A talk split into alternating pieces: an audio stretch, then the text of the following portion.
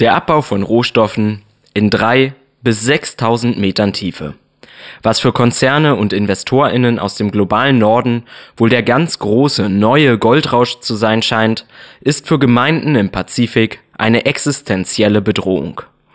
Wenn der Abbau im großen Stil beginnen sollte, drohen irreversible ökologische Schäden und die Lebensgrundlage lokaler Gemeinden drohen zerstört zu werden.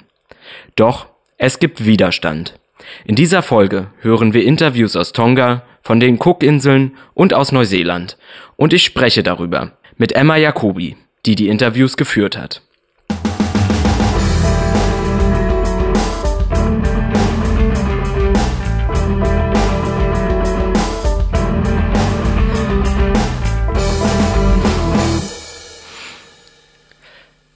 Das ist Kompass Weltwirtschaft. Hier bekommt ihr regelmäßig in kurzen Beiträgen Einblick in die zentralen Probleme unserer ungerechten Weltwirtschaft. Mein Name ist Jeremy Österreich und ich freue mich sehr, dass ihr bei dieser ersten Folge in diesem neuen Jahr dabei seid und mit uns gemeinsam einen Blick auf die Rohstoffausbeutung am Meeresboden werft. Dieser Podcast ist ein Projekt von PowerShift, einer Nichtregierungsorganisation mit Sitz in Berlin. Wir setzen uns ein für eine sozial und ökologisch gerechtere Weltwirtschaft. Ihr könnt dabei helfen, unsere kritische zivilgesellschaftliche Arbeit zu ermöglichen, indem ihr uns mit einer Spende unterstützt. Einen Link dazu findet ihr in den Show Notes unter diesem Podcast. Vielen Dank für eure Unterstützung. Wenn euch der Podcast gefällt, dann abonniert uns doch gerne auf der Plattform eurer Wahl und empfehlt uns weiter. Fragen oder Anregungen schreibt ihr am besten an podcast at power-shift.de. Wir blicken heute in den Südpazifik nach Tonga, Neuseeland und zu den Cookinseln und wollen vor allem die Stimmen der Zivilgesellschaft vor Ort zu Wort kommen lassen. Wir haben hier bei Kompass Weltwirtschaft schon einmal über Tiefseebergbau gesprochen und für diejenigen unter unseren Zuhörenden, die sich dem Thema nochmal allgemeiner widmen wollen, kann ich die Folge Nummer 15 Tiefseebergbau hinterlässt tiefe Narben sehr empfehlen, die wir euch natürlich auch in den Shownotes verlinkt haben. Mit mir spricht heute Emma Jacobi. Sie studiert Klimawissenschaften in den Niederlanden und hat mit VertreterInnen der Zivilgesellschaft auf Tonga, Neuseeland und den Cookinseln gesprochen. Auf Basis dieser Interviews hat sie eine Publikation für PowerShift veröffentlicht, die heißt Nicht benötigt, nicht erwünscht, nicht erlaubt, Widerstand gegen Tiefseebergbau im Pazifik und in Deutschland. Und ich bin sehr froh, dass sie heute hier ist, um mit mir darüber zu sprechen. Hallo Emma. Hi Jerry, ich freue mich heute hier zu sein. Emma, zu Beginn wie immer eine kurze persönliche Frage. Du hast eine ganze Reihe an Gesprächen geführt mit Menschen, die sich gegen Tiefseebergbau einsetzen. Was verbindest du denn mit diesen Gesprächen für eine Erinnerung? Du, ich muss sagen, ich habe enorm viel aus den Interviews mitgenommen und ein wichtiger Punkt war auf jeden Fall, dass die Menschen vor Ort im Pazifik keine starke Trennung zwischen Land und Meer sehen. Das heißt, auch wenn sie an Land wohnen, sehen sie Bergbau in der Meerestiefe als eine wirklich existenzielle und fundamentale Bedrohung ihrer Lebensgrundlage und Existenz. Ja, interessanter Eindruck. Aber dann lass uns gleich auf den Tiefseebergbau zu sprechen kommen. Ähm, kannst du uns einfach nochmal einen kleinen Überblick geben, was genau können wir uns denn darunter eigentlich vorstellen? Ja, das mache ich gerne. Ähm, Im Pazifischen Meer zwischen Neuseeland und äh, bis zur Küste Südamerikas haben sich auf dem Meeresboden in drei bis 6.000 Meter Tiefe, wie du schon auch angedeutet hattest, über viele Jahre Rohstoffe angesammelt. Das sind dann zum Beispiel Metalle wie Mangan und Kobalt. Und an diesen Rohstoffen sind eben Bergbauunternehmen interessiert. Die wollen raus ins Meer fahren mit Schiffen und dann mit schweren Geräten diese Metalle an die Oberfläche holen. Aktuell gibt es keinen kommerziell betriebenen Tiefseebergbau. Es gab bisher nur kleinere Forschungsversuche. Und so wie ich das beschreibe, kannst du dir wahrscheinlich vorstellen oder könnt ihr euch wahrscheinlich vorstellen, dass die im Meer lebenden Ökosysteme auch stark davon betroffen wären, von solchen Vorhaben. Viele MeereswissenschaftlerInnen betonen das auch, nämlich dass diese Vorhaben wichtige Meeresökosysteme beschädigen oder sogar dauerhaft zerstören könnten. Und diese Ökosysteme und die Menschen, die besonders auf das Meer angewiesen sind, werden am stärksten von solchen Tiefseebergbauvorhaben betroffen. Ja, zu den betroffenen Gemeinschaften würden zum Beispiel die äh, gehören, die auf den Inseln von Tonga leben. Emma hat gesprochen mit Pelenatita Kara vom Civil Society Forum auf Tonga. Pelenatita hat Folgendes zu sagen. Over 90% of our people depends on the ocean for fish Mehr als 90 Prozent unserer Bevölkerung sind vom Ozean abhängig, entweder als Fischerinnen zur Selbstversorgung oder da sie im Tourismus arbeiten. Wir wachen morgens mit dem Meeresrauschen auf und fahren jeden Tag an der Küste entlang. Dass das alles jetzt bedroht wird, macht uns große Angst. Jedes Mal, wenn wir während des letzten Jahres mit Menschen auf der Insel gesprochen haben, was häufig vorgekommen ist, haben Menschen angefangen zu weinen, da sie das nicht erleben wollen. Sie sind mit dem Ozean aufgewachsen und haben eine heilige Verbindung zu ihm. Diese Verbindung und das Prinzip dahinter wird hier von einigen als Mutterleib bezeichnet und wird jetzt sehr wahrscheinlich bedroht.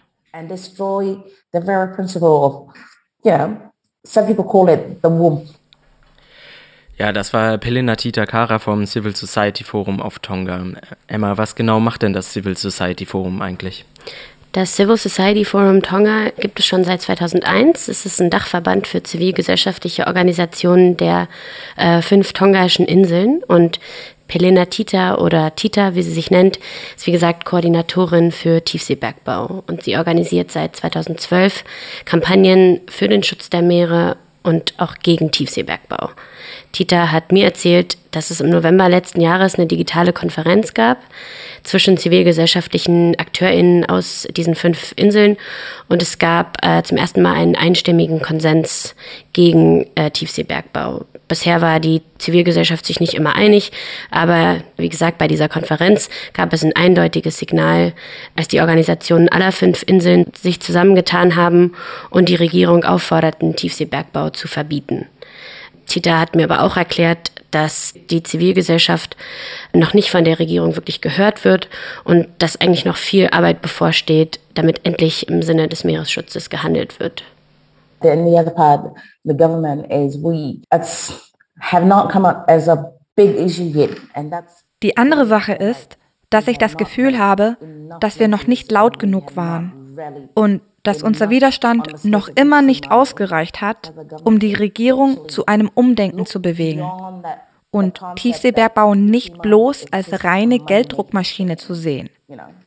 Die Folgen des Tiefseebergbaus werden große Auswirkungen auf unsere Umwelt und die Lebensbedingungen unserer Bevölkerung haben.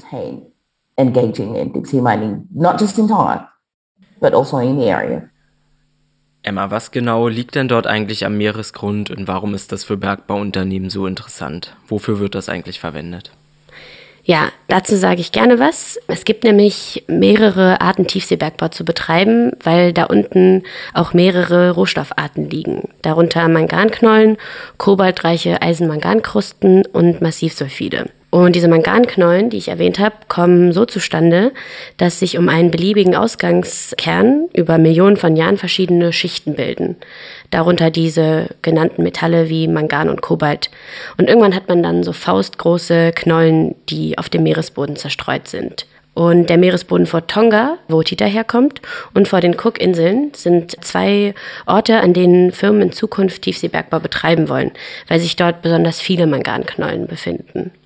Und das Fiese an dem Ganzen ist, dass viele Unternehmen behaupten, dass der Abbau von Rohstoffen in der Tiefsee die Energiewende ermöglichen soll. Die Tatsache ist aber, dass die Energiewende nicht der Haupttreiber vom Verbrauch metallischer Rohstoffe ist. Technologien für erneuerbare Energien machen nur einen Teil der Nachfragesteigerung aus und es ist vor allem der allgemeine Überkonsum zahlreicher Rohstoffe oder zahlreicher Sektoren, der hier relevant ist. Da spielt zum Beispiel, wie man sich das vorstellen kann, auch die Automobilindustrie eine sehr bedeutende Rolle. Ja, hinzu kommen die ökologischen Folgen, die der Abbau von Rohstoffen in der Tiefsee hätte. Dazu hat Phil McCabe von der Deep Sea Conservation Coalition aus Neuseeland Folgendes zu sagen. I think uh, governments of the world, including in the European Union, need to understand. Ich denke, die Regierungen auf der Welt, einschließlich der Europäischen Union, müssen verstehen, dass diese Aktivität nicht vorangebracht werden kann, ohne dauerhafte Umweltschäden zu verursachen. Das ist wirklich offensichtlich. Die Wissenschaft sagt uns, dass Tiefseebergbau nicht möglich ist, ohne ernste Schäden zu verursachen. Ich denke, es ist verständlich, dass Regierungen versuchen, diese Ressourcen auszubeuten. Schließlich locken große Gewinne. Aber um welchen Preis? Angesichts des schlechten Zustands der Ozeane und dem fortlaufenden Abwärtstrend halte ich es für völlig unangemessen, eine neue Technologie einzuführen, die weitere Zerstörung und Verschlechterung bedeutet.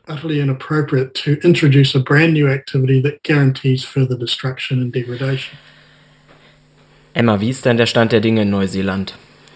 Also die neuseeländische Regierung hat vor etwa 15 Jahren Bodenschätze im Meer vor Neuseeland identifiziert und die Hoffnung war, diese Rohstoffe auszubeuten.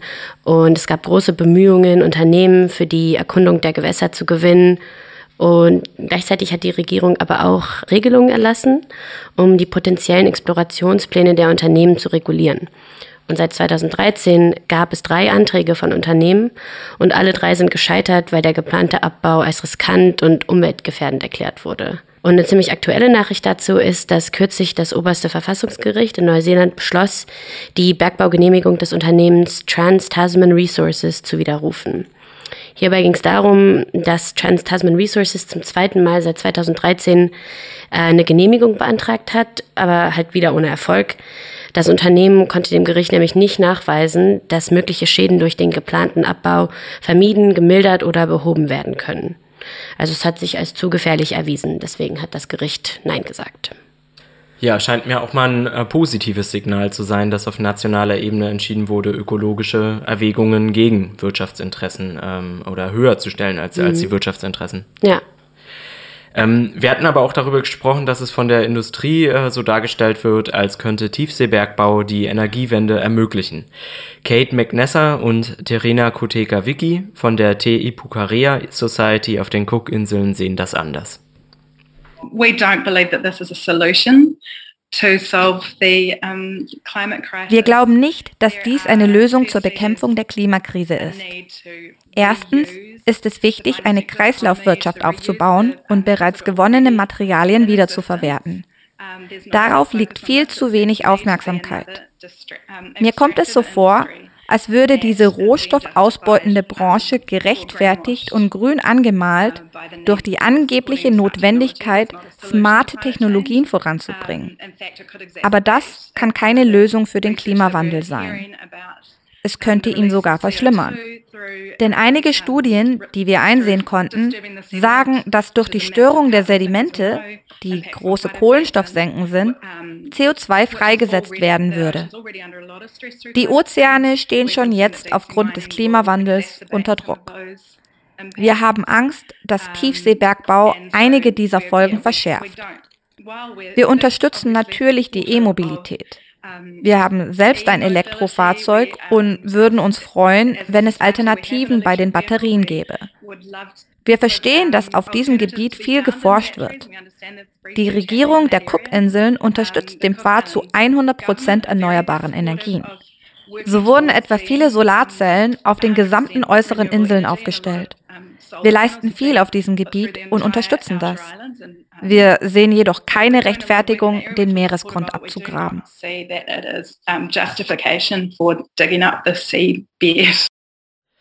Das war Kate McNesser von der Te Ipucarea Society, die wir gerade gehört haben. Emma, was genau macht sie denn für Arbeit auf den Cookinseln? Ja, Jerry, die Te Ipucarea Society ist eine Umweltorganisation auf den Cookinseln, die sich darum kümmert, ihr Ipucarea oder ihr Erbe zu bewahren. Kate und Terena haben mir von ihrer Philosophie berichtet, der zufolge Land- und Meeresressourcen nicht zu ihrem Besitz gehören, sondern von zukünftigen Generationen geliehen sind. Und dass es deswegen sehr wichtig ist, sie in einem guten Zustand zu hinterlassen. Und die Te Society setzt sich vor Ort für ein Moratorium gegen Tiefseebergbau ein, bis klarer ist, was die Folgen des Tiefseebergbaus für Meeresökosysteme sein könnten. I don't think that there's a need at all to do deep sea mining. Um, wir haben bereits viel Rohstoffförderung an Land mit Öl und Minen und all den anderen Dingen, die unser Land aufbohren. Letzten Endes beeinflusst all das unsere Ozeane. Ich denke daher, dass es nicht nötig ist, auch noch in den Ozeanen Rohstoffe abzubauen. Natürlich sagen viele Leute, dass die Manganknollen ein Gottesgeschenk seien, aber dem stimme ich nicht zu. Ich denke nicht, dass alles angetastet werden muss. Nutzt einfach das, was da ist. Es gibt keinen Grund, nach anderen, neuen Dingen zu suchen und dabei die Umwelt und Ökosysteme zu zerstören.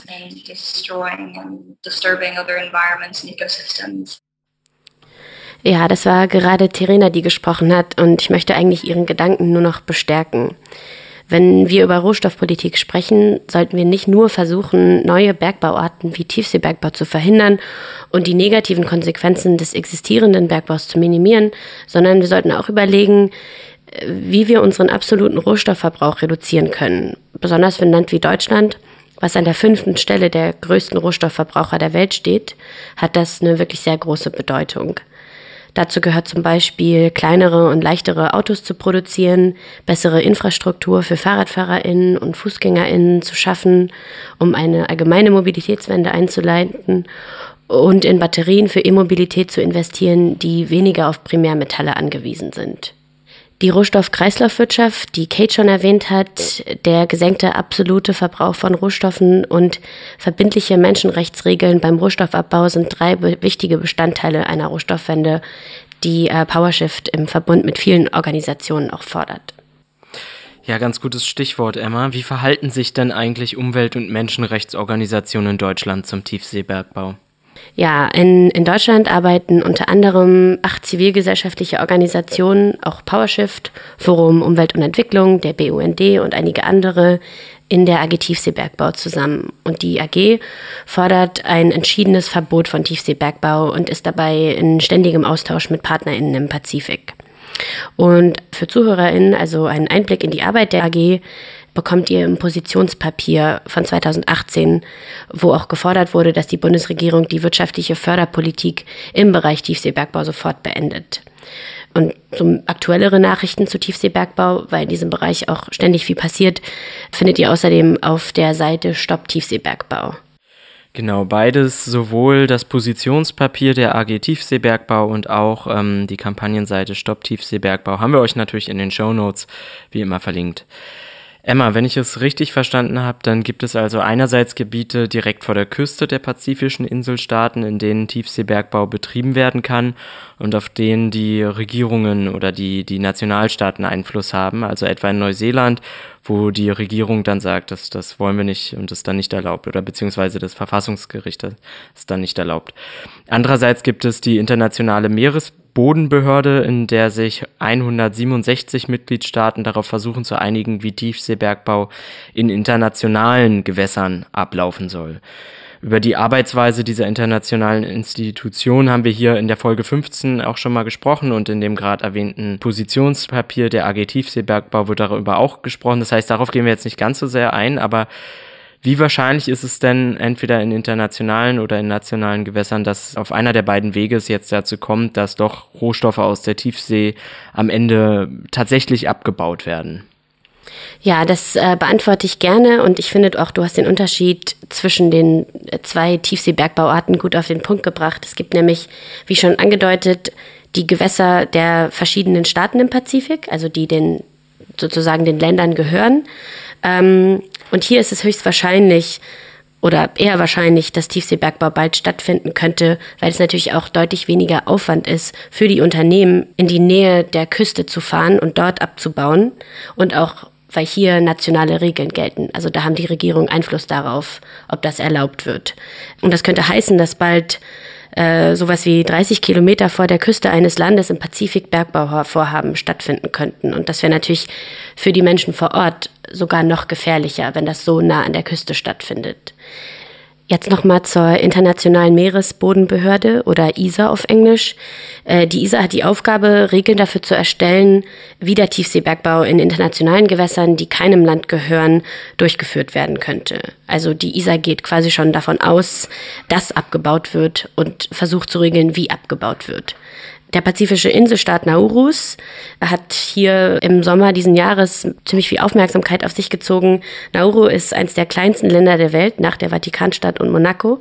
Und im Juni 2021 hat die Regierung Naurus sich auf eine Klausel des Seerechtsübereinkommens der Vereinten Nationen bezogen, um die sogenannte Zwei-Jahres-Regel auszulösen. Das ist gerade sehr hoch umstritten. Damit haben jetzt die Mitgliedstaaten der ISA zwei Jahre Zeit, alle Regelungen für den Tiefseebergbau fertig zu verhandeln. Und wenn sie das nicht schaffen, könnten Tiefseebergbaulizenzen für Vorhaben auf Grundlage unfertiger Regularien ausgestellt werden. Und zwei Jahre ist da wirklich keine lange Zeit. Das heißt, Tiefseebergbau könnte in wenigen Jahren tatsächlich beginnen und somit stellt das eine unmittelbare Drohung, nicht nur für Meeresökosysteme, sondern auch die betroffenen Bevölkerung dar. Und das sehen wir als deutsche Zivilgesellschaft als sehr kritisch, aber vor allem haben sich auch verschiedene zivilgesellschaftliche Bündnisse im Pazifik sehr kritisch dazu, zu der Entscheidung Naurus geäußert. Ja, Emma, scheint mir angesichts dessen umso wichtiger, dass wir uns hier in Deutschland und Europa solidarisieren mit den mhm. zivilgesellschaftlichen Gruppen aus dem Südpazifik, oder?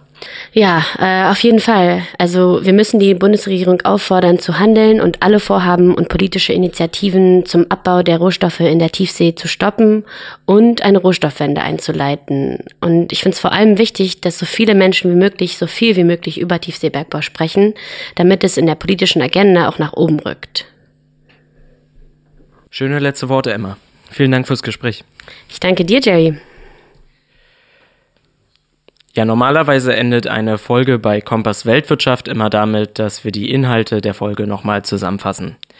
Da wir heute aber vor allem Statements gehört haben und diese dann ein wenig probiert haben einzuordnen, wollen wir es heute einmal anders handhaben. Tita Kara vom Civil Society Forum auf Tonga hat sowieso auch ein Statement gegeben, das die Inhalte hier viel besser zusammenfasst, als ich das je könnte. Deswegen verabschiede auch ich mich an dieser Stelle und bedanke mich, dass ihr heute eingeschaltet habt. Die erwähnte Publikation nicht benötigt, nicht erwünscht, nicht erlaubt, Widerstand gegen Tiefseebergbau im Pazifik und in Deutschland und alle anderen weiterführenden Links findet ihr wie immer in den Show Notes. Hier ist zum Abschluss nochmal Tita Kara für euch. Bleibt aktiv! So we're hoping that our voice could be heard in Europe and especially in Berlin, um, in Germany, because a lot of the companies were exploring and uh, trying to mine oceans. Wir hoffen also, dass unsere Stimmen in Europa und vor allem in Berlin, in Deutschland gehört werden. Denn viele der Unternehmen, die im Pazifik den Ozean erkunden und hier Rohstoffe abbauen wollen, sind europäische Unternehmen. Viele dieser Unternehmen behaupten, dass der Tiefseebergbau unerlässlich für die Form des Klimaschutzes sei, in der wir fossile Brennstoffe durch mineralische Rohstoffe ersetzen wollen. Das mag Ihnen zwar einleuchten, aber uns ganz bestimmt nicht. Wir sehen es so, dass man uns als Abbaustätten und als Versuchskaninchen für die Bergbauindustrie benutzen möchte. Wir tragen nur sehr wenig zu dem Problem bei, obwohl wir am stärksten von den Auswirkungen des Klimawandels betroffen sind. Wir möchten, dass die Menschen in Europa und in den am meist entwickelten Ländern auch an uns denken und sich in unsere Lage hineinversetzen. Wenn unserem Ozean etwas zustößt, dann geschieht dies zwar in der Tiefe, aber der Ozean ist mit dem Land verbunden, auf dem wir im Pazifik leben. Unsere Forderung lautet also, bitte stoppt den Tiefseebergbau. Gebt der Wissenschaft zehn Jahre Zeit. Lasst uns abwägen, was die Ergebnisse in zehn Jahren sein werden und dann entscheiden, ob dies die richtige Lösung ist. Es gibt eine ganze Reihe von Alternativen zu dieser Klimawandelstrategie und zu dem Gedanken, dass mineralische Rohstoffe aus der Tiefe fossile Energien ersetzen können. Wir argumentieren schon lange, dass Recycling und die Wiederverwendung von Rohstoffen, die bereits genutzt werden, die Antwort sein sollte. Ich hoffe also, dass diese Botschaft Europa erreicht.